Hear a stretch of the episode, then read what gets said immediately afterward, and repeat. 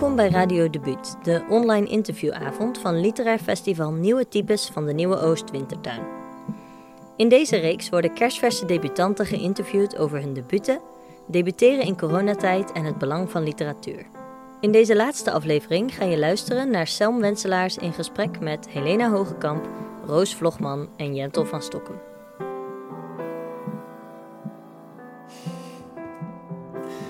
Welkom bij Radio bij alweer de laatste aflevering van dit seizoen. Tijdens het Nieuwe Types Festival heb ik de afgelopen weken, ik ben Sel Menselaars trouwens, heb ik vier, nee, min mezelf drie debutanten gesproken. Uh, we spraken eerst met Roos Vlogman, vervolgens met Helena Hogekamp en Jentel van Stokkum. En vandaag, oh feest, zijn ze er allemaal bij. En waar Josine het de afgelopen week ook telkens over had, we zouden het hebben over debuteren in coronatijd. Wel, dat heb ik steeds laten liggen. Vandaag gaan we het er samen over hebben. Dag Roos, dag Helena, dag Jentel. Dag. Hallo Welkom. Uh, waar zitten we allemaal? Utrecht, Nijmegen, Arnhem, Arnhem, Amsterdam. En Amsterdam. En allemaal live. Ja, dit hadden we natuurlijk nooit bedacht een jaar geleden. Nou, misschien net wel een jaar geleden. Ja, toen. Maar hier zitten we dan elk thuis. Want zo doen we dat tegenwoordig. En uh, ja, hoe zitten jullie? Jentel. Ja, wel goed, wel goed. Oh ja, dan ga ik nu de... Ik had, had een klein flesje Prosecco. oh, die al koud staan. Goed. Ja, die heb ik koud, uh, koud gezet om te proosten bij Radio de Bit als we er allemaal waren. Dus die ga ik dan nu openen. Maar verder zit ik er wel goed bij, hier in Utrecht. Uh, waar, waar ga je op proosten, Jentel? Ja, op jullie. Op ons. Op ons allemaal? Op onze debuten? Ja, ja, en dat soort dingen. En de wereld veroveren, allicht. Misschien moeten we Alright. dat doen. Toch? World domination. Mm -hmm. Oh, het is dus een we beginnen de aflevering met alcohol. Ja. De toon is gezet. Helena, heb jij iets om te drinken? Water. En Roos? Oh ja, ik heb, ik heb thee. Ik heb hertjesthee. Hertjesthee? Ik denk dat ze dat dus zo genoemd hebben, zodat kinderen meer thee drinken. Maar ik weet het niet zeker. Het is gewoon kruidenthee. Met een hertje er, erop getekend. Het werkt ook op volwassenen. Ja, dat is waar. Ik heb ook al uh, vossenthee gehad, denk ik. Of eekhoorntjesthee heb ik ook gehad. Nu heb ik de hertjesthee. Er is toch nu ook zo'n opleving vanwege corona van cabin core? Dat iedereen heel erg verlangt naar in een kleine cabine, in een lange witte jurk, uh, door een veld lopen. En niet bloemen, in je kamer ja. zitten. En kruiden plukken en die dan drogen tussen boeken. En, en, en ja, ik ook hoor. Het klinkt gewoon als de beschrijving van mijn bundel. Ik heb dat nog steeds. Jij, ik heb dat jij permanent. Was cabin, jij was al cabin core voor corona. Ja, loop Jongens, altijd een tikje het, voor het mijn proost, tijd. Het proostmoment gemist van Jentel. Proost. Proost. Proost. Op, Op jullie. ons. Ja, waar te beginnen? Pandemische tijden. Um, nou, het went nooit, denk ik. Of, uh, of ja, wie, wie, wie wende er wel aan? Of wie heeft het idee van deze coronatijd mag voor mij eeuwig blijven doorgaan? Oh nee, alsjeblieft niet. Um... Ja, vind het, ik vind het uh, wel oké om een beetje met regelmaat alleen te zijn. Maar mijn hemel, als ik jullie zo zie zitten uh, op afstand, dan verlang ik er toch wel uitermate hard naar om uh, op een dag met z'n allen weer om tafel te zitten en zo'n gesprek live te voeren met microfoons die voor ons staan. En dat uh, Josien niet heel hard strakjes alle ruisjes uit mijn geluid moet filteren en zo. Dat, nee, mm. liever niet dat het eeuwig duurt wat mij betreft. Roos, ga jij goed op deze tijd? Um, ja, best wel eigenlijk. Dat, um, ja, ik ging me realiseren dat de manier waarop ik op dat moment aan het werk was eigenlijk helemaal niet houdbaar was voor mij. En dat ik eigenlijk gewoon wil doen wat ik zelf wil doen in mijn eigen ritme, in mijn eigen tempo en vanuit mijn eigen plek. En opeens kon ik dat omdat ik niet meer naar een kantoor hoefde. En toen kwam ik erachter, oh, ik kan ook gewoon ontslag nemen.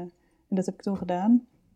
En nu doe ik alleen nog maar wat ik leuk vind. En ik heb geen idee hoe lang dat houdbaar is. Maar ehm, dat vond ik in ieder geval heel fijn. Meer ruimte hebben om te ontdekken in welk ritme ik wilde gaan leven. En verder mis ik het natuurlijk om veel vrijheden te hebben. Maar ik, uh, ja, het is ook dubbel hoor, want ik werd heel erg verliefd in die coronatijd. Dus ik heb een heel ander, ik heb ook een heel ander beeld van vorig jaar. Vorig jaar was echt een van de leukste jaren van mijn leven ook. Ik ging heel veel dingen doen die ik niet durfde. Ik werd verliefd. Uh, ik ging samenwerkingen aan. Ja, ik weet niet, het was een heel goed jaar voor mij. Ondanks of dankzij corona. Voel jij ruimte, Helena? Heb jij ruimte genomen? Um, ik vond het een heel eng jaar. Mijn schoonvader is ook, was ook werkzaam um, op de IC. Uh, ik heb een, vriend, een, vriendin uit Zaandam nog die ook op de IC werkte. En uh, tegelijkertijd zag ik ook hoe die vrijheidsbeperking ook heel veel mensen boos maakt. En, en verschillen die er al waren nog dieper maakt. En mensen die niet genoeg inkomsten hebben, komen nog dieper in de problemen. Uh, ik ben zelf ook bij een begrafenis geweest van iemand die plotseling neerviel in een tijd dat je nog niet. Dat het nog zo hard ging dat, dat je ook niet goed kon uitzoeken waar iemand dan aan overleden was. En dat er dus ook maar heel weinig mensen bij mochten zijn bij die begrafenis. En dat wij dan met z'n allen op de parkeerplaats stonden. En alleen, weet je wel, zes mensen mee naar binnen mochten. Um, Nee, ik zie corona wel echt als een wond die gewoon in de, in de samenleving is geslagen. En daarom vond, uh, vond ik het ook wel moeilijk om, er, om ervan te genieten, merkte ik. Ja. En ik hoop dat het zo snel mogelijk voorbij is. Ja. Het is natuurlijk ook heel vreemd dat, dat er opeens een soort tendens was om te gaan genieten van iets wat echt vreselijk was.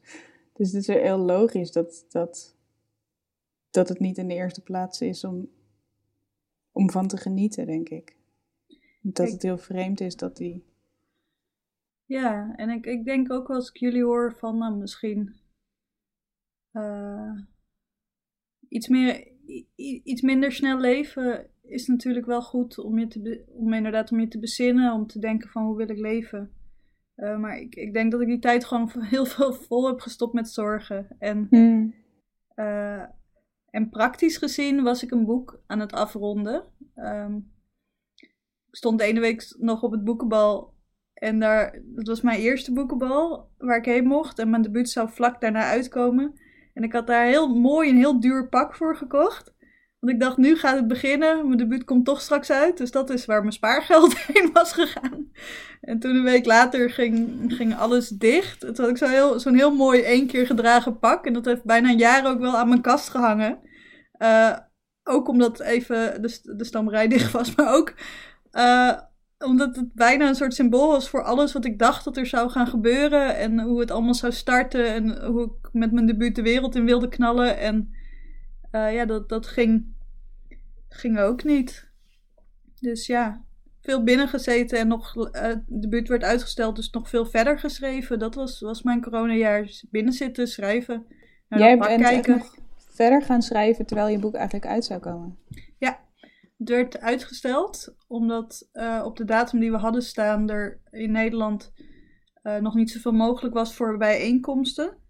En mensen die bij elkaar konden komen. Het, het, stond zeg maar in de eerste golf gepland eigenlijk dat het uit zou komen. Het was ook net aangeboden in de eerste golf. Uh, en toen hoopten we door het uit te stellen naar uh, februari, 11 februari 2021. Dat dan, weet je wel, dat, dat er meer mogelijkheid zou zijn. Dat er. Ja, dat we weer bij, met z'n allen bij elkaar kunnen komen. Maar toen wisten we natuurlijk nog niet dat die tweede lockdown erin kwam. waarin zelfs de winkels dicht zouden zijn. En dat het dan eigenlijk verscheen op een moment dat de winkels dicht waren. Wat, uh, nou, wat we wel ook heel erg hebben gemerkt en waar we heel erg omheen hebben moeten werken met het uitbrengen van het boek. Want jouw boek is ook verschenen terwijl de winkels dicht waren, toch, Roos? Ja, op 13 januari. Het zou eerst in november 2020 gekomen. En toen hebben we het uitgesteld tot januari. Toen zou er eigenlijk in januari zouden de winkels misschien weer eind januari open gaan. Dat was toen een tijdje aan de hand. Toen zeiden ze, wil je het dan nog twee weken uitstellen? Toen zei ik, weet je, nee, het is al een keer uitgesteld geweest. En we weten ook niet zeker of over twee weken de winkels wel weer open gaan. Het voelt gewoon als een goede datum voor mij. Laten we het gewoon nu doen. Ja. Maar ja, dat, ja, dat merk je wel. Of zo. Waarom merkte je dat? Ehm, ja, dat je. Ik ben vooral ook heel blij met de kaft. Als in, ja, natuurlijk ben ik blij met het boek, maar eh, op het eerste, het eerste blik denk ik dat de kaft veel aandacht zou trekken als hij in een winkel lag tussen andere, andere boeken. En ja, het is gewoon als debutant best wel moeilijk om zichtbaar te zijn, überhaupt. Uh, om etalages te krijgen. Om, ja, om, ja, je bent niet zomaar weer een, een tussendoor aankoop, een impulsaankoop. Iemand moet je al kennen om je te willen kopen natuurlijk. Dat had ik ook het idee. Ik ben, ik ben heel blij uh, met hoe mijn boek nu ontvangen wordt. En ik merk ook wel dat mensen het zien. Dus dat is een pak van mijn hart. Maar toen het net uit was, dacht ik, ja, je moet er inderdaad echt van weten. Want dan kun je je boekhandel bellen om het te bestellen. Maar je kan niet naar binnen slenteren en dan een stapeltje zien liggen en het is oppakken en denken, hé, hey, wat is dit? Dat, dat kan dan helaas niet. Maar ik heb jullie beide boeken wel ook in etalages zien liggen inmiddels al. Ja. Of zo. Het zijn wel ook goede boeken die in boekhandels ergens liggen, een beetje vooraan, juist omdat allebei de omslagen zo in het oog springen en uitermate goed ontworpen zijn eigenlijk. Dus dat is wel Dank je. een gelukje, denk ik. Hmm. Ja, maar het is ook vreemd dat ik werd in de media vooral ook door boekhandelaren aangeprezen. Hmm. Wat heel fijn is, maar het is, dat, dat mis je natuurlijk van in de winkel uh, zomaar een boek aanraden of zo. Ja. Dus, maar wel heel fijn dat daar nu mogelijkheden tot zijn in de krant en dat er rubrieken zijn in onder andere de VPRO-gids waarin dat gebeurt. En de, de boekhandelaren zijn echt goud, vind ik. Want heb ik heel erg gemerkt met mijn boek uh, dat, dat ze ook. Uh, wij zijn een voorlezen-estafette begonnen, waarin ik begon met voorlezen eruit en wie het wilde oppakken mocht dan doorlezen of je mocht iemand anders nomineren. En er zijn een aantal boekhandelaren die dat dan ook hebben opgepakt en die dan in hun boekwinkels uh, tussen de bestellingen door een stuk voorlezen uit mijn boek. En ik vind, de, ja, ik vind boekhandelaren echt goud. Dat ze dan toch, nu ze het zo super druk hebben en uh, Hmm. Mijn boek misschien niet het eerste is waar ze, waar ze aan denken, omdat nog niemand me kent, dat ze die moeite nog nemen. Weet je? Ja. ja. En dat merk je ook dan. Dat, dat, dat zijn vaak ook de boekhandelaren die gewoon echt van boeken houden. Echt van hun vak houden. En ik, ja, ik vind dat ook gewoon heel mooi. Dat je dat jouw zo boek ziet. Is dus, jij, uh, jouw datum werd dus ook gepland, toch? Toen, toen de ja, eigenlijk, wanneer ben jij uitgekomen, Jentel? Vorige week? Uh, ja, vorige week woensdag. Maar, maar, maar ik heb mijn, uh, mijn contract getekend in. Nu moet ik het goed zeggen. Het was juni. Dus. Um, en, en vorig jaar maart, rond deze tijd. Eh, echt net voor de eerste lockdown, in de week daarvoor, ging ik voor het eerst bij de uitgever langs om kennis te maken. En, en, en een beetje zo te kijken. Eh, dat was helemaal zo aftasten. In, dus het werd, werd echt in, een, in, dat, in dit jaar allemaal rondgemaakt, wow, wat mij betreft. dat is echt heel snel. Toch? Ja, maar ik was er al wel een poos mee bezig. Hè? Ik bedoel, ah, okay. ik was wel in 2017 zo bij het Slow Writing Lab al begonnen. Dus het lag al heel, voor een heel groot deel en ook dankzij Wintertuin, uh, of tenminste, bij Wintertuin heb ik gewoon altijd gezegd: ik wil hier aan verder. dus, cool. Uh, dus het was er al voor een best groot deel. En het, maar het is ook heel erg snel in de coronatijd een soort van afgeraakt. Bij wat je toen inleverde bij de uitgeverij toen je ging praten, heb je daar vooral aan herschreven of bijgeschreven? Allebei, denk ik. Ja, allebei. Ik heb, maar ik heb wel echt bijgeschreven. Want ik denk dat toen ik het opstuurde naar ze dat het zo rond de 40 pagina's was. En toen ik op een gegeven moment het, het laatste manuscript, wat in Word, in A4'tjes bestond, dat was toch echt wel 69 pagina's, zoiets. Dus er was wel echt nog veel bijgekomen en ook nog wel veel herschreven. Uiteindelijk. Ja, dus ja, voor, mij, voor mij is het best wel verbonden met elkaar. Allemaal. Jullie hebben allemaal natuurlijk een, een hele heldere, duidelijke link met Wintertuin. Ja, ja je hebt het er net over. Um, Jettel, ja. wat betekent Wintertuin voor, uh, voor jou? Um, nou, ik ken Wintertuin eigenlijk via Helena. Of tenminste, ik had er wel eens van gehoord. Maar, uh, maar, ik ben, maar via Helena heb ik het beter leren kennen. En ben ik bij heel veel evenementen geweest.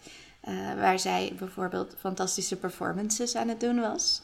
Um, dus uh, ja, voor, voor mij was het een hele fijne stap na het ontwikkelingstraject bij het Letterenfonds, het Slow Writing Lab, dat ik toen bij een in een talentontwikkelingstraject van Wintertuin mocht. En dat ik daardoor op een redelijk zoekende basis en onderzoekende basis door kon schrijven. Dus die ruimte en die vrijheid en ook de begeleiding uh, daarin, of het meelezen en het stellen van vragen, dat vond ik heel fijn. Het was echt een soort van. Uh, uh, ja, eigenlijk een beetje alsof je al stiekem redacteuren hebt die soms een beetje met je mee lezen en denken. Voor mij dan. Maar ik weet niet hoe dat voor Roos. Roos, zit jij bij? Heb je. Nee, hè? Nee. Maar wel een link. Maar, maar ik heb natuurlijk wel de, de, de opleiding Creative Writing. Maar nee, niet bij het agentschap. Maar je hebt inderdaad wel de, de opleiding gevolgd die is opgezet door Wintertuin. Kan je daar iets, kan je daar iets over vertellen? Ja, hoe, hoe, hoe word je schrijver? Word je schrijver in een opleiding? Oh, ik weet dat ze toen, toen ze die opleiding aan het, aan het opzetten waren, dat daar toen heel veel respons op kwam. Dat je schrijver niet kon worden en dat je dat al was. En, wat een soort heel vreemd is, want kunstacademies zijn natuurlijk al heel lang een, een ding. Dus ja, in hoeverre word je dan wel acteur of uh, muzikant of et cetera? Ik weet ook nog. Oh, sorry. Nee, ga verder. Ik, ik, zat, op, uh, ik zat toen er tijd op de HQ Writing for Performance.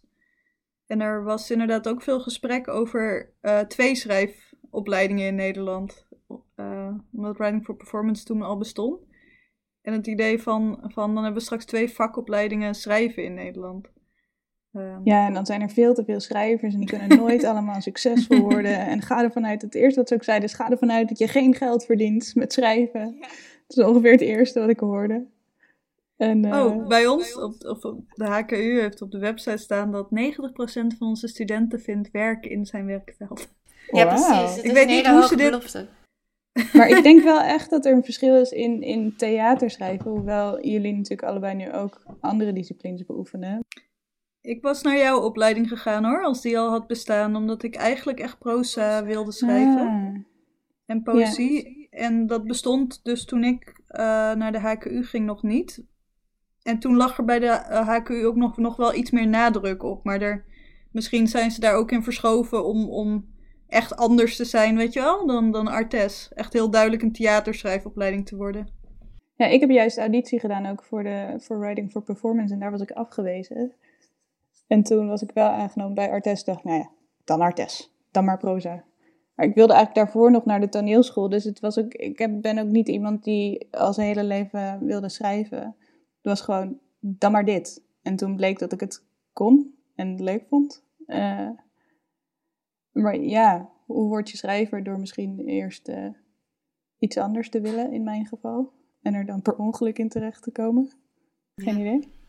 Ja, je vraagt dit wel echt aan een uh, interessant groepje, want wij hebben natuurlijk alle drie een schrijfopleiding genoten. En uh, dat is absoluut niet e-, overal in het werkveld natuurlijk zo. Dat iedereen een schrijfopleiding heeft. Ik denk dat er heel veel manieren zijn om schrijver te worden. heel veel lezen. heel veel lezen en toen ik, ik schreef niet voordat ik naar de schrijfopleiding ging. Ik heb eigenlijk auditie gedaan met de eerste dingen die ik heb geschreven. ook. Of tenminste, ik ben goed gaan zitten om te gaan schrijven voor mijn portfolio. Ja, ik ook, ja. En, ehm, maar op een schrijfopleiding zitten betekent wel dat je elke week meters maakt, elke week mensen in wisselende samenstelling iets moet laten lezen, mensen die je misschien niet allemaal goed kent of vertrouwt, steeds andere leraren die allemaal andere eh, verschillende inzichten hebben over wat een goede roman maakt of een goed gedicht of een goed theaterwerk. Dus ik heb wel op die opleiding kennis gemaakt met uh, veelheid aan, aan inzichten en aan stemmen.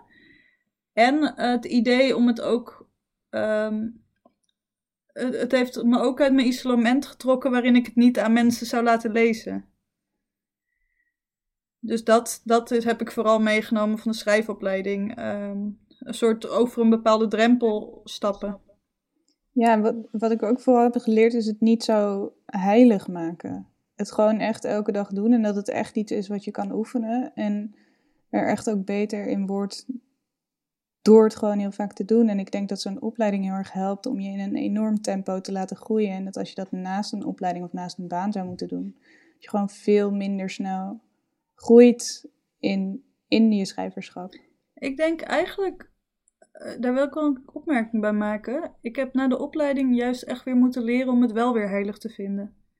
Ik heb, ik moet, heb terug moeten gaan naar dat dit heel belangrijk is. En niet Mhm. iets wat ik er elke week gewoon uitgooi. En als het niet helemaal goed voelt, maakt niet uit. Volgende week weer een week. Ah, vak ja. afgesloten. Eh, ik, ik heb juist wel. Want ze zeggen dan altijd: eh, kill your darlings. Maar wat als je alleen maar al die darlings laat staan? Daar ben ik echt heel actief weer op zoek naar gegaan. Nadat de hele magie van schrijven voor mij wel er juist af was geschraapt op die opleiding. Hmm. Ik denk wel dat ik op zoek ben gegaan naar weer plezier in schrijven. En door ook en dat plezier te vinden in door bezig te zijn met wat je wil en niet alles aan een opdracht te koppelen.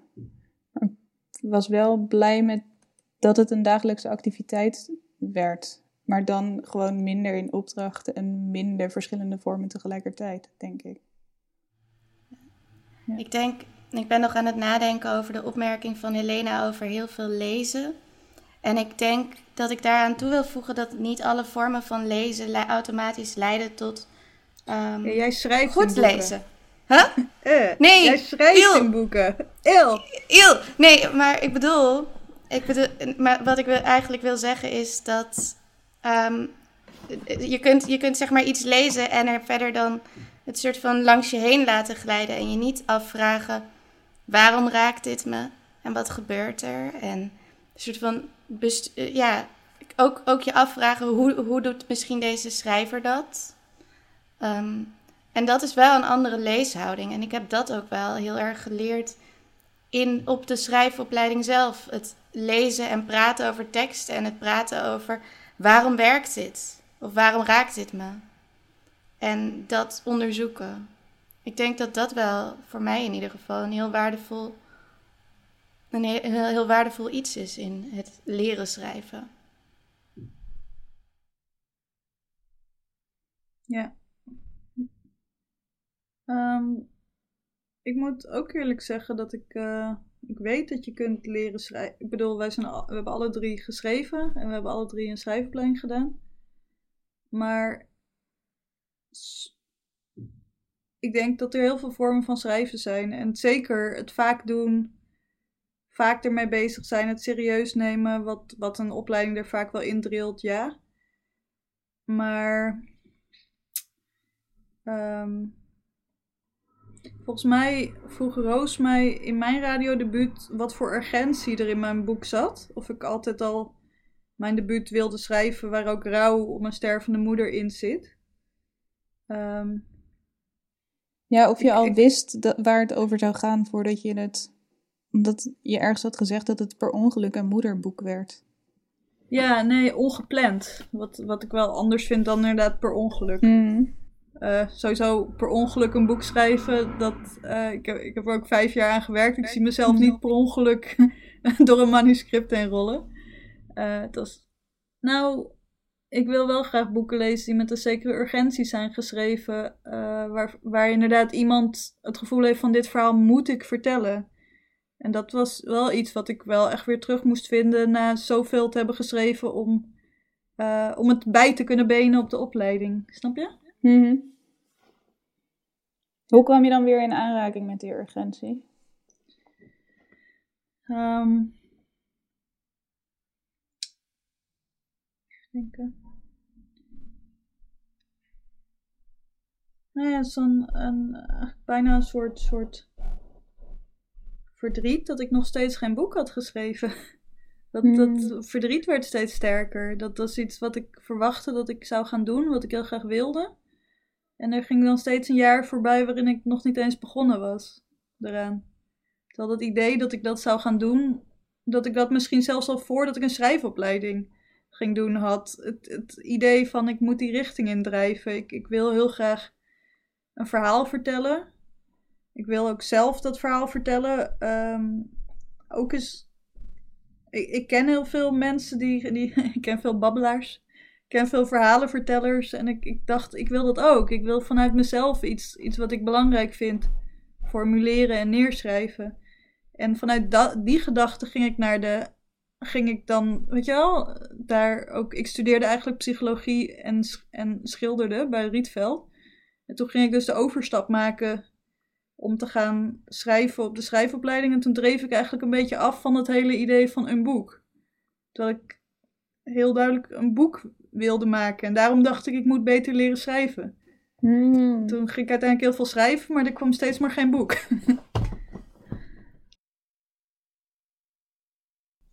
Ik vind het mooi dat je zegt, eh, omringd door verhalenvertellers. Dat geldt voor jullie allemaal. En jullie zoeken ook elkaars gezelschap op. Eh daar ging het in het gesprek met Jentel ook over, echo's. Natuurlijk wissel je ook gedachten en ideeën uit en die komen ook wel eens misschien toch per ongeluk in een boek terecht. Hoe, hoe kijken jullie ernaar? Echo's of, of het afkijken van elkaar?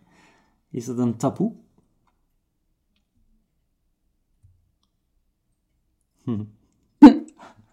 Oh ja, niet iedereen kan straks. Ros? Wat is dat voor jou? Ik was naar iedereen's nadenkend gezicht aan het kijken. Hm. Ehm, ik geloof heel erg in afkijken en, en eh, in echoen. Alleen probeer ik dat wel zo min mogelijk te doen. En ik weet niet of dat lukt. In zeg maar onze generatie. Omdat het dan. Omdat ik ook niet wil dat dat te veel op elkaar gaat lijken. Dus ik probeer juist te echoen uit. In mijn geval bijvoorbeeld spirituele literatuur of zelfhulpliteratuur of plekken waar niet iedereen uit echoot, zodat die echo een echo wordt zonder dat mensen weten dat het een echo is. Misschien. Jento is aan het giechelen. Ja, ik vind dat grappig. ik gebruik heel veel spreektaal en veel dingen die ik echt ooit iemand heb horen zeggen. Dus niet zozeer. ehm, ook misschien wel toch wel veel dingen die ik, die ik heb gelezen online van mensen die ik niet Hm. ken. En dan bedoel ik niet letterlijk hun zinnen, maar eh, ik ben nu. Ik, ik ben nu al een tijdje heel veel aan het lezen over scammers. Over de levensloop van scammers. En mensen die uiteindelijk zich voor een ander uitgeven. Of eh, ook heel vaak literaire scammers. Bijvoorbeeld mensen die een artikel vervalsen. Of doen of ze een ervaring eh, autobiografisch is die ze niet zelf hebben meegemaakt. Dus mijn echo's komen denk ik uit. ehm, vaak uit zinnen waar ik achter blijf haken. Ehm, een van de zinnen, eh, bijvoorbeeld een zin uit mijn debuut is gewoon weten dat je porno een impact heeft. dat heb ik een, een sekswerker horen zeggen en dat vond ik echt een geweldige zin. En dat onthoud ik dan, Ja, dat is ook een geweldige zin, ja. denk Je je. onthoudt ze, je hebt geen Excel-tabel met Nee. zinnen. Ik onthoud het, want het, eh, als ik het als ik het opschrijf en denk die wil ik erin fietsen, blijft hij er altijd vreemd tussen staan, gemaakt. Ehm, terwijl als je, als je zelf dialoog aan het typen bent en je pingpongt in je hoofd van links van hij zegt naar zij zegt, dan komt zoiets, dan borrelt zoiets op bij mij. Ach, net alsof ik een ketel ben. dan komt Borrelen, zoiets borrelen. opzweven. Ja. Ja. Ja. Ja, ik, ik, ik echo heel veel. En ik echo gewoon met plezier. Maar dat heb ik vorig gesprek ook al verteld. Dus ik wil niet in herhaling vallen hier. Nee, nee, je echoot gewoon jezelf. Ja, ik vind, dat, ik vind dat gewoon leuk, weet je. Ik bedoel, ik hoor iedereen praten en ik lees alle, allemaal alles. En soms is het onoverkomelijk dat ik iets echo. Dan gebeurt het me, dan is het per ongeluk. En dan, maar ik vind het ook heel leuk om dat bewust te doen. Maar dat is, beperkt zich niet alleen tot mijn generatie, wat mij betreft. Ik vind het ook gewoon heel leuk om allemaal dode dichters de hele tijd te echoen. Dat, ja, ik weet niet, ik verbind me gewoon graag aan dingen. En aan, schrijvers en aan mensen. Dus, uh, dus dat eh, is dan ook een deel van hoe ik werk en hoe ik denk. Voor mij kan dat wel in de weg zitten. Want ik merk als ik bijvoorbeeld over rouw wil praten, uh, dat ik niet goed op de woorden kan komen die ik echt voel. Omdat daar als bijna als een soort grote lichtbak, een soort neonbak, de woorden die we vaak gebruiken daarvoor, dan zo voor het grijpen liggen. En dat ik de neiging heb om die te zeggen. En ook soms als mensen me iets vertellen, um, iets wat ze hebben meegemaakt, iets verdrietigs. En dan dat ik een beetje van die geruststellende platitudes uitspuug. Hmm, hmm. Dus ik heb er juist ook wel een angst voor dat als ik uh, te veel andermans woorden leen, of in ieder geval veel gebruikte woorden, dat ik dan niet zo goed kan komen bij mijn eigen particuliere ervaring en, en, mijn, en het verhaal wat ik dan wil schrijven uh, daarover. En dan niet dat ik bewust ga zitten denken, wat zou nou heel, heel vreemd, weet je wel, wat zou nou heel origineel zijn uh, om hierover te schrijven, dat is nog nooit geschreven, dat bedoel ik niet. Alleen ik denk dat, dat andermans woorden ervaring ook wel kunnen verdunnen. En, of een beetje kunnen platslaan. Ja, maar dat gaat er eh, ook, denk ik, dan over soort van het uithollen van taal en het uithollen van termen. En ik denk dat dat niet per se is wat ik bedoel als ik zelf praat over intertextualiteit. Dan heb ik het niet over uithollen, dan heb ik het over een soort van allemaal dingen die in relatie tot elkaar staan. Ik denk dat dat soort van lege frases op iemand gooien, dat heeft nog nooit iemand goed gedaan. En al helemaal niet in een boek, per se. snap ik. Uh, ik denk soms dat het me tegenhoudt om zelf verder te zoeken. Als ik al uh, weet hoe mooi Kate Bush erover heeft gezongen. Ja, grote spreken. dus dat is dan de balanceeract van uh, die woorden die erover zijn gezegd zijn al zo perfect. En zoek ik dan nog verder, inderdaad. Ja. Ja, we spelen de grote debutanten bingo en het woord generatie is al twee keer gevallen. Wat is deze generatie? Wat, uh, wat kenmerkt deze generatie volgens jullie?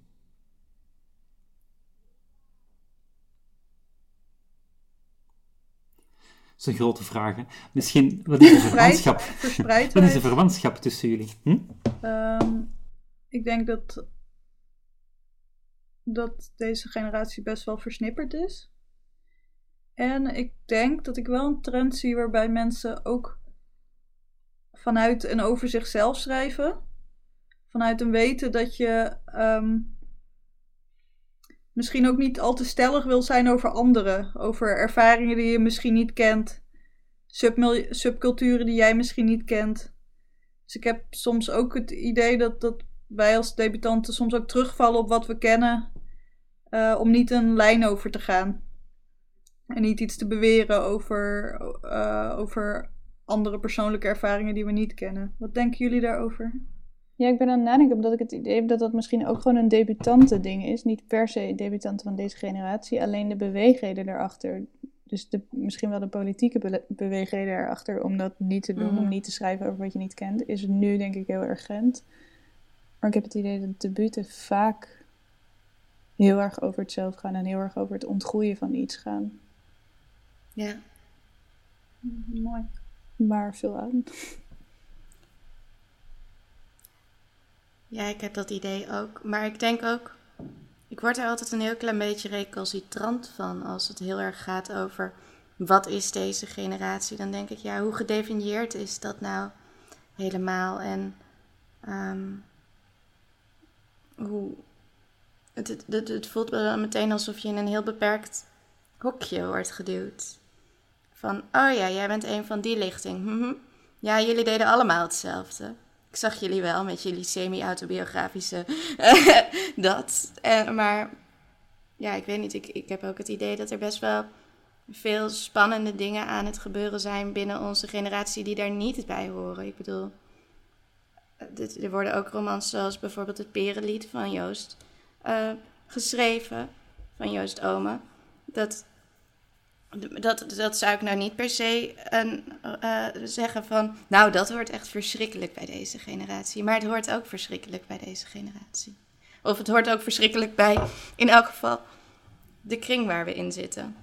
Misschien. Ik las dat generaties tegenwoordig ook veel kleiner zijn. Uh, niet, niet echt meer tien jaar, maar soms dat de ervaringen van mensen die twee of drie jaar van elkaar verschillen, zoals vier jaar al heel erg uiteen kunnen lopen vanwege andere technologische mogelijkheden. Uh, wat ook andere ontmoetingsplekken creëert. Weet je, waar zie je elkaar, mhm. waar kom je elkaar tegen en waar krijg je dus ook de kans om op elkaar te gaan, kunnen gaan lijken. Um, dus dat is ook nog een vraag die je kunt stellen bij deze generatie: van wie zijn dat? Wie zijn de generaties? Ja, wij kennen elkaar natuurlijk allemaal. Ja. Uh, wij hebben elkaar on, op het pad naar debuteren, zijn we elkaar tegengekomen, hebben we elkaar ook horen voordragen.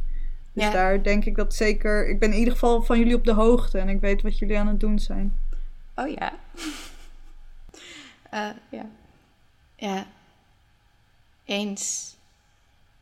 Ik denk, ja, dat denk ik ook. En ik, ik ben zelf best wel benieuwd. Ik heb zelf het idee dat tijd heel raar beweegt op dit moment. Zo in de coronatijd. Dat er een soort van dat er iets heel anders gebeurt met onze tijdsbeleving. En ik vraag mezelf wel eens af of dat zijn weerslag gaat hebben in uh, de boeken en de poëzie uh, die nu geschreven wordt in deze coronatijd. Ik hoor heel veel mensen die dingen zeggen zoals ik maak zo weinig mee.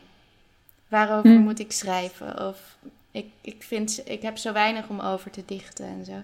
En dus ik ben zelf heel erg benieuwd of er een ander gevoel voor ruimte en een ander soort tijdsbeleving ontstaat. Uh, in de, en dat we daar dan later op terug kunnen blikken. En dat we dan zeggen: Goh, in, uh, in die pandemie, toen, zijn er wel veel trage verhalen of trage gedichten. Of... Ja, dat geschreven. ja, daar ben ik wel benieuwd naar. Of er ontstaat zo heel veel science fiction waarin de wereld heel snel gaat, omdat we allemaal willen ontsnappen aan die, ja. aan die stilte. Ja, of heel veel post-apocalyptisch brood en zo. Dat zou best kunnen. Eigenlijk. Nou, jullie, jullie kring komt sowieso al uit de Randstad. Of, of gaat over de grenzen van de Randstad. Hoe, hoe is het eigenlijk met Vlaanderen gesteld? Hoe, hoe lopen die lijntjes? Is die ik ga morgen wandelen met een België, met uh, Charlotte van der Broek. Daar heb ik heel veel zin in. Die is hier oh, voor een werkbezoek. En dat is iemand die ik of, uh, pre-pandemie gewoon veel vaker kon zien, inderdaad, op literaire evenementen. Uh, en Arno van Vlierberg, Dominique de Groen. Um, dat zijn mensen die ik nu al heel lang niet heb gezien. En ik verheug me er heel erg op om Charlotte weer te zien. Ja, ja, en eh, er wordt wel gesproken over um, mijn, mijn roman, Het aanbidden van Louis Klaus. Ik heb vandaag gehoord dat hij een tweede druk krijgt. Uh, Hoera! Dank je. Ja, dat, ik ben Met heel... een quote ja. van Peter Verhaast. Ja, uit de laudatio die hij vorige, bij de vorige uitzending zo lovend uitsprak. heel blij ermee. Het, het wordt goed ontvangen en um, nou ja, daardoor komt, komt er een uh, tweede druk. En er is ook gesproken van, kan ik er misschien ook wel mee gaan optreden in België bij boekhandels? Want daar is het gewoon nog open. En uh, daar zijn boekhandels ook nu heel sterk betrokken bij kleine festivalletjes, kleine plaatselijke dingen. Weet je, grotere dingen kunnen misschien niet uh, nu overal doorgang vinden. Maar uh, vorig jaar heeft bijvoorbeeld toch wel een, een, festival in Gent, een klein boekenfestival, plaatsgevonden. Memento Kortrijk was afgelopen weekend en dat was dan nog volledig digitaal. Maar we zijn wel nu inderdaad aan het kijken van, kan ik dan misschien naar België om daar ja, natuurlijk wel getest en veilig, maar kan ik daar langs en daar misschien lezers ontmoeten en op gaan treden? Ja, ik heb België inderdaad ook heel erg gemist tijdens deze hele pandemie. Wat een superleuk en goed idee zeg. Wat fijn. Ja, ik hoop. Ik, eh, fingers crossed dat Ja, het ik allemaal goed gaat. Jentel, reik jij over de landsgrens? Ehm, ja, ik heb wel wat contact met mensen in België. Maar niet, ja, niet zoveel als met, met nee, mensen in Nederland. Maar ja, eh, de mensen die ik in Nederland spreek, dat beperkt zich ook niet slechts tot de Randstad of zo. Ik spreek ook heel veel mensen uit Arnhem en Groningen en Nijmegen. Dus dat, eh, dus dat, wat dat betreft... eh, maar, maar ik heb wel... Hm? Ja, ja. nee, grapjes. Ehm, maar ehm, ja, ik, ik weet wel dat, ehm, dat mijn debuut ook in België in de boekhandels ligt. Hollands Diep heeft daar ook een tak. En, eh, en ik ben heel benieuwd of het daar verkoopt. Ik eh, trad eh, met Lies Gales op afgelopen weekend bij Frontaal. En zij is een Vlaamse schrijver. En vet aardig iemand. En, en die, die zou het gaan zoeken in Antwerpen in de boekhandel. Dus eh, ik weet eigenlijk niet of dat gelukt is. Ik zal dat straks wel even informeren. Daarnaar. Maar ja, ik weet niet in hoeverre ik over de landsgrens eh rijd. Mhm. Er wordt heel vaak gezegd tegen Vlaamse schrijvers dat ze te Vlaams schrijven voor de, Neder- de Nederlandse markt. Roos, hoe, hoe Nederlands is jouw boek? En is het misschien te Nederlands voor een Vlaamse markt? Oeh. Ehm, ik weet echt te weinig over, over Vlaanderen om dat te kunnen zeggen. Ja, ik denk wel dat het. Het is, voor, ja, het is voor mij een heel Almeers boek. Maar dat betekent natuurlijk niet dat iedereen die niet uit een soort nieuwbouwstad komt, zich er niet in zou kunnen herkennen. Maar het is, ja, het is niet een boek wat zich heel erg afspeelt in de natuur. Het is echt zo heel erg viaduct, fietspad, busbaan. Dus ik denk dat dat misschien een bepaald type mens aanspreekt. Maar ja, het gaat, het gaat natuurlijk niet over ehm, viaducten. Eh, ik denk dat het menselijke aspect, ja, zeker ook in België herkend zou kunnen worden. Dus dat het, eh, dat, dat niet per se van de setting afhangt. Wat was voor jullie debuteren ook wat je ervan verwacht had? Mm. Hadden jullie Mm. verwachtingen over, over het debuteren en zijn die uitgekomen? Ik, Nee. eh, nee, Jen toch, ga maar. Nee, jij Roos. zeg het maar. Ehm, ik, ja, ik dacht ik neem in ieder geval een maand vrij. Mocht er iets gebeuren, dan ehm, ben ik overal op voorbereid. Ik had denk ik verwacht dat ik er veel meer emoties bij zou hebben. Ik dacht ik neem gewoon een maand, doe ik niks en dan kan ik huilen en, en blij zijn en boos worden. Of, ik weet niet, ik had verwacht dat ik er heel veel emoties bij zou hebben. En dan welk gedeelte? Bij de ontvangst of dat het af was? bij dat het af was, dat het niet meer van mij was, dat ik het los kon laten, dat iemand anders er iets van zou gaan vinden. Ik had verwacht dat ik, heel erg, dat, ik dat heel spannend zou vinden misschien. En dat gebeurde allemaal niet. Niet dat ik er geen emoties bij had. En ik heb de dag dat het uitkwam, wat natuurlijk ook een soort verzonnen datum was, omdat je het vanaf toen online kon bestellen. Ehm, toen ben ik erg gedronken geworden met, eh, met een paar lieve mensen. En dat is echt fantastisch. En dat voelde bijna als een verjaardagsfeestje. En daarna was het ook weer voorbij of zo. En ehm, ik ben ook meteen weer heel veel andere dingen gaan doen na die maand.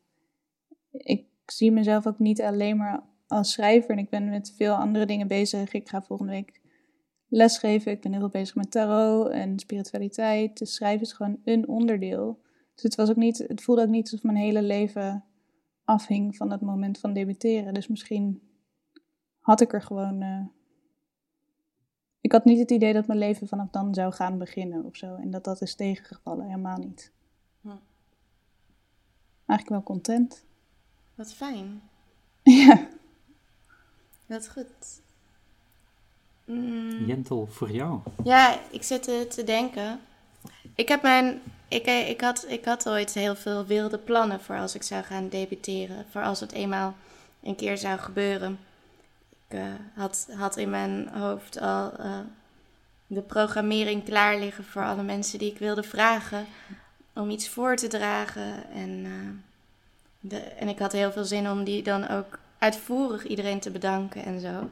Dus dat aspect, dat was heel anders. Maar ik heb ook een jaar lang de tijd gehad om alles bij, al mijn verwachtingen wat dat betreft bij te stellen. Ehm, ik had er wel wat moeite mee, eerlijk gezegd, met debuteren. Ik uh, had de maand nadat het echt af was, was ik best wel, voelde ik me een beetje leeg en best wel verdrietig eigenlijk bijna erover dat het klaar was. Ik was ook een beetje boos op elk gedicht dat ik daarna aan het schrijven was, dat het niet uh, een gedicht voor de bundel was en het ook nooit zou worden. Dus ik had echt een beetje een soort van uh, groeipijn daarvan. En ook dat ik dacht, oh, ja, dit, het voelde een beetje als een break-up ergens op een bepaalde manier. En alsof elk gedicht dan vervolgens je rebound gedicht is. En dat je dan denkt, ja, dit is eigenlijk ook niet, hè. Maar ja, het is wel een leuk gedicht, maar het is het niet. Uh, dat, een beetje die, die ervaring had ik. Uh, en nu is het, er, uh, is het een weekje officieel in de boekhandels. En ben ik een beetje, misschien een beetje overspoeld. Ook Loki overprikkeld continu. Want ik krijg echt waar ik heel dankbaar voor ben. Maar krijg ik heel va vaak lieve appjes van mensen en lieve berichtjes en dingen van mensen die het dan hebben gekocht. Of die het aan iemand aanbevelen. Uh, en dat is fantastisch. En dat is meer dan ik had verwacht. Dus, um, dus ik vind het een turbulente tijd persoonlijk. Ondanks dat, uh, dat, dat, dat er geen enorm groot knalfeest uh, was. En hoe was dat voor jou, Helena? Um, ja, ik wilde dit zo graag, een boek schrijven. En ik, ik was er ook echt lang mee bezig. Um, dus ik had ook wel verwacht dat ik me dan echt anders zou voelen. Nadat het boek uitkwam. En blij. En ik ben ook heel blij eigen, ja, het heeft me wel echt goed gedaan om het af te maken. En dat mensen het nu kunnen lezen. In plaats van het deelt maar zo, zo dicht tegen je borst te houden. En um, ik koesterde zelf ook veel hoop over. Terwijl ik eraan schreef, koesterde ik heel veel hoop. Uh, dat ik nog. Dat dat ik het verhaal zelf steeds beter zou gaan begrijpen. Um, dat het me op de een of andere manier. Natuurlijk ook een betere schrijver zou maken. De delen die eerst nog niet werkten, daar hoopte ik ook steeds over. Van als ik hier maar langer aan werk, dan groeien ze nog. Uh, dan leer ik taal nog beter begrijpen. Dan leer ik mensen nog beter begrijpen. En daardoor had ik iets wat tussen hoop en magisch denken in zat. Dat er dan plotseling, dat ik, dat ik vlotter zou zijn als het boek uit was. Dat ik beter zou weten wat ik overal van vond. Dat ik, dat ik moediger zou zijn als iemand me iets op de man afvroeg. Um, ja, ik. ik uh, en ik moet eerlijk zeggen, ik voel me wel vrij vlot nu. Ja, ja lekker kort kopie. maar wat is uh, vlot? Iedereen zegt vlot, maar is het dan... Ik stel me daar zoiets anders bij voor dan wat jij nu lijkt te zeggen. Je bedoelt, je bedoelt iets van hout waar je op in het water... Nee, nee, nee. nee. maar ik stel me zo... Ja, de moeder van 50 uit West-Friesland voor bij vlot. Ja. ja. Is, dat, is dat wat je bedoelt? Ik denk dat ik bedoel niet ongemakkelijk en, en lekker in je vel en voorbereid op wat er op je afkomt. En ik vond, zoals ik al zei, ik vond de coronatijd gewoon echt heel zwaar en eng.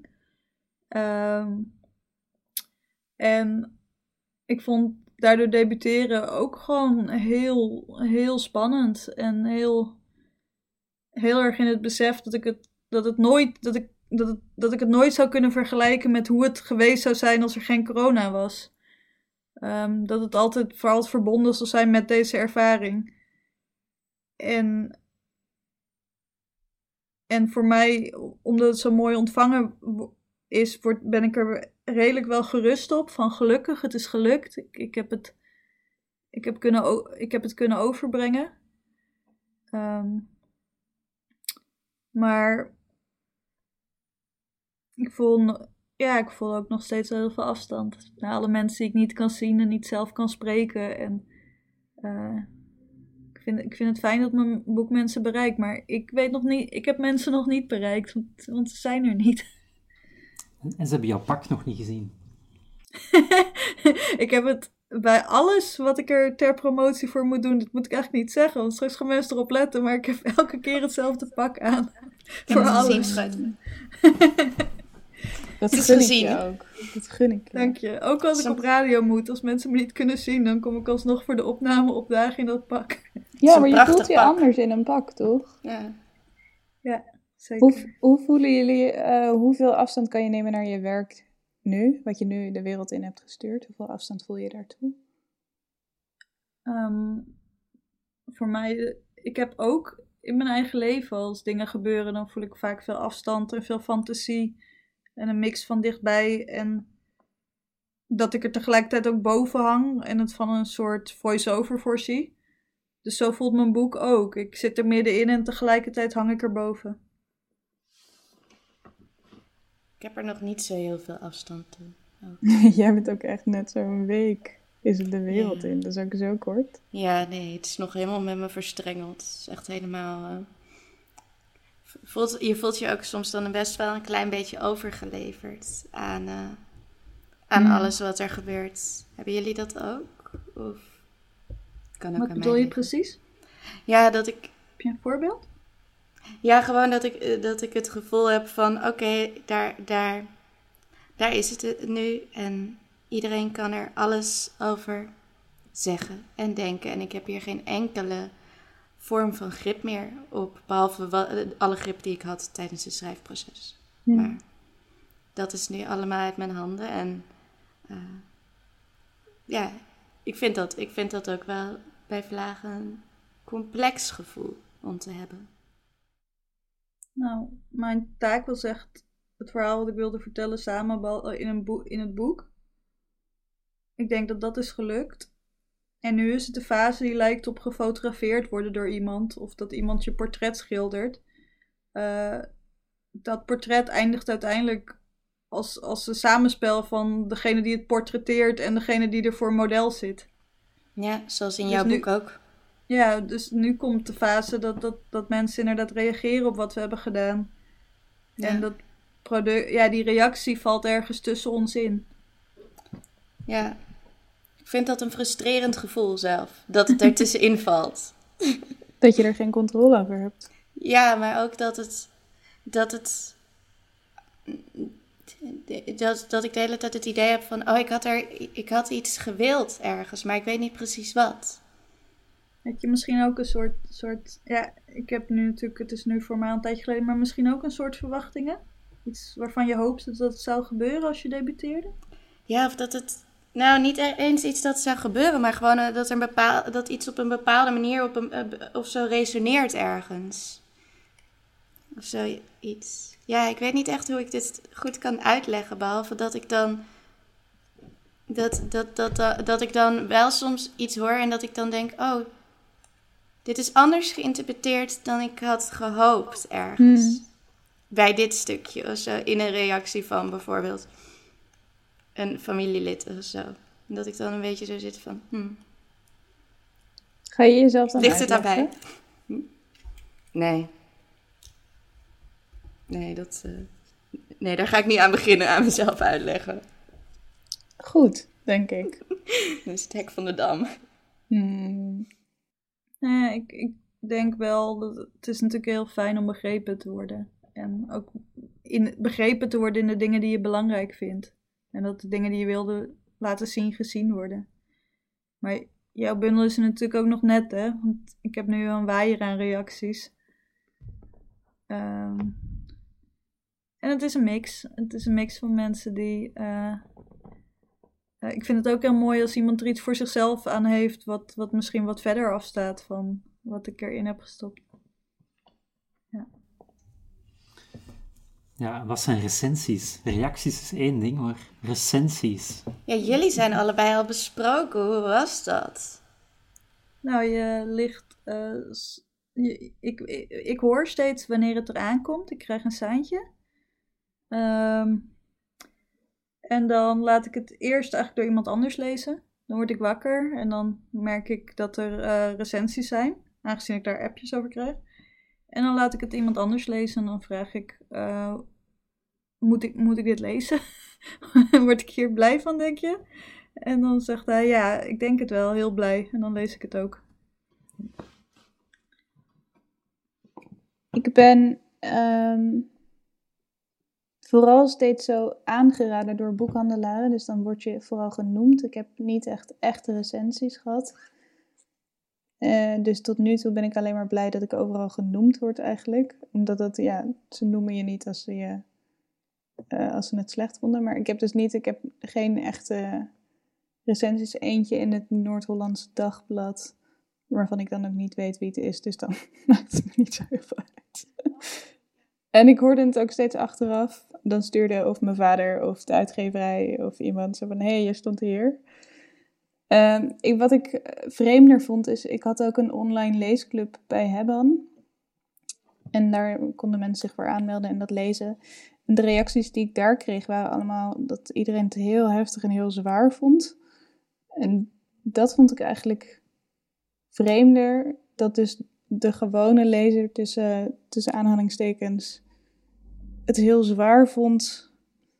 Ehm, dat vond ik dan denk ik erger dan als een recensent eh, iets zou zeggen waar ik het niet mee eens was. Maar dat is ook makkelijk, makkelijk praten omdat dat niet gebeurd is. Dus hypothetisch. Jentel, heb jij al een strategie voor, die Voor- eerste recensie? Ehm, nou ja, het is allereerst maar hopen dat dat gebeurt. Want dat eh, weet je niet. En eh, ik weet ook nog, eh, en als, dan weet ik ook absoluut niet wanneer. Want ik zie ook wel eens bij poëzie heel lang na dato een recensie opeens opduiken. Zo. Dan is die bundel al een half jaar uit van iemand. En dan is opeens zo bam, recensie. Dat vind ik altijd heel grappig. Maar dat is eh, vast ook heel goed voor de verkoop. Ik denk dat ik hetzelfde ga doen als, eh, als Helena. En ik denk dat ik waarschijnlijk Helena ga bellen. Ja, Eh, ik wil best als- voor je proef lezen hoor. Want Ja, is- als een van mijn proeflezers. Ik heb er eentje gehad ehm, waarvoor ik echt Mhm. werd gebeld door de uitgeverij dat zij hem hadden gelezen en dat ze mij van context voorzagen voordat ik het ging lezen. En ik Ah, merk ja. dat ik dat wel fijn vind, want als je zo'n recensie leest, ehm, vraag je je soms ook af van, oh, andere mensen zitten op dit moment ook aan hun eettafel met de krant, die lezen dit tegelijkertijd met mij. En wat is hun indruk dan? Als ze deze recensie lezen, krijgen ze dan zin om dit boek te lezen? Of denken ze, ook, zelfs, ook als een gunstige recensie is, denken ze dan, oh ja, nou, dat is niet helemaal mijn onderwerp. Want de recen- recensent, weet je wel, die, die geeft vaak ook een korte weergave van waar je boek over gaat. Ehm, dus daarom vond ik het eigenlijk wel fijn om aan iemand te vragen om de recensie met mij te lezen. En dan kijk je er gewoon samen naar, voordat het in mijn hoofd helemaal gaat galopperen.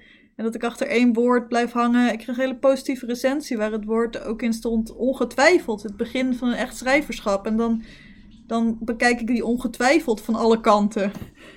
Zo van, oh, oh, wa- waarin heb ik je dan niet overtuigd? Waarom staat er niet daadwerkelijk? Waarom staat er niet vast en zeker?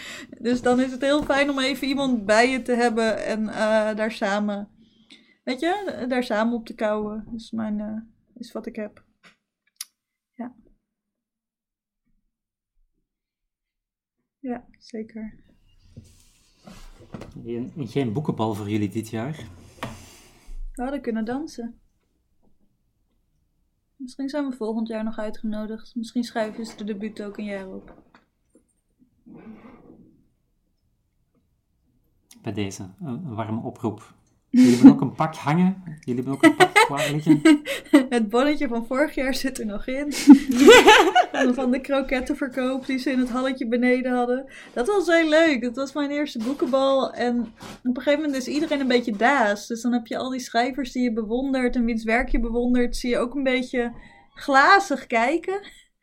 Eh, omdat het al zo laat is. Maar gelukkig staat er dan beneden in het halletje een krokettenverkoop. Broodjes kroketverkoop. En dan iedereen probeert met zijn tanden dat papieren zakje dan een beetje behoorlijk te openen.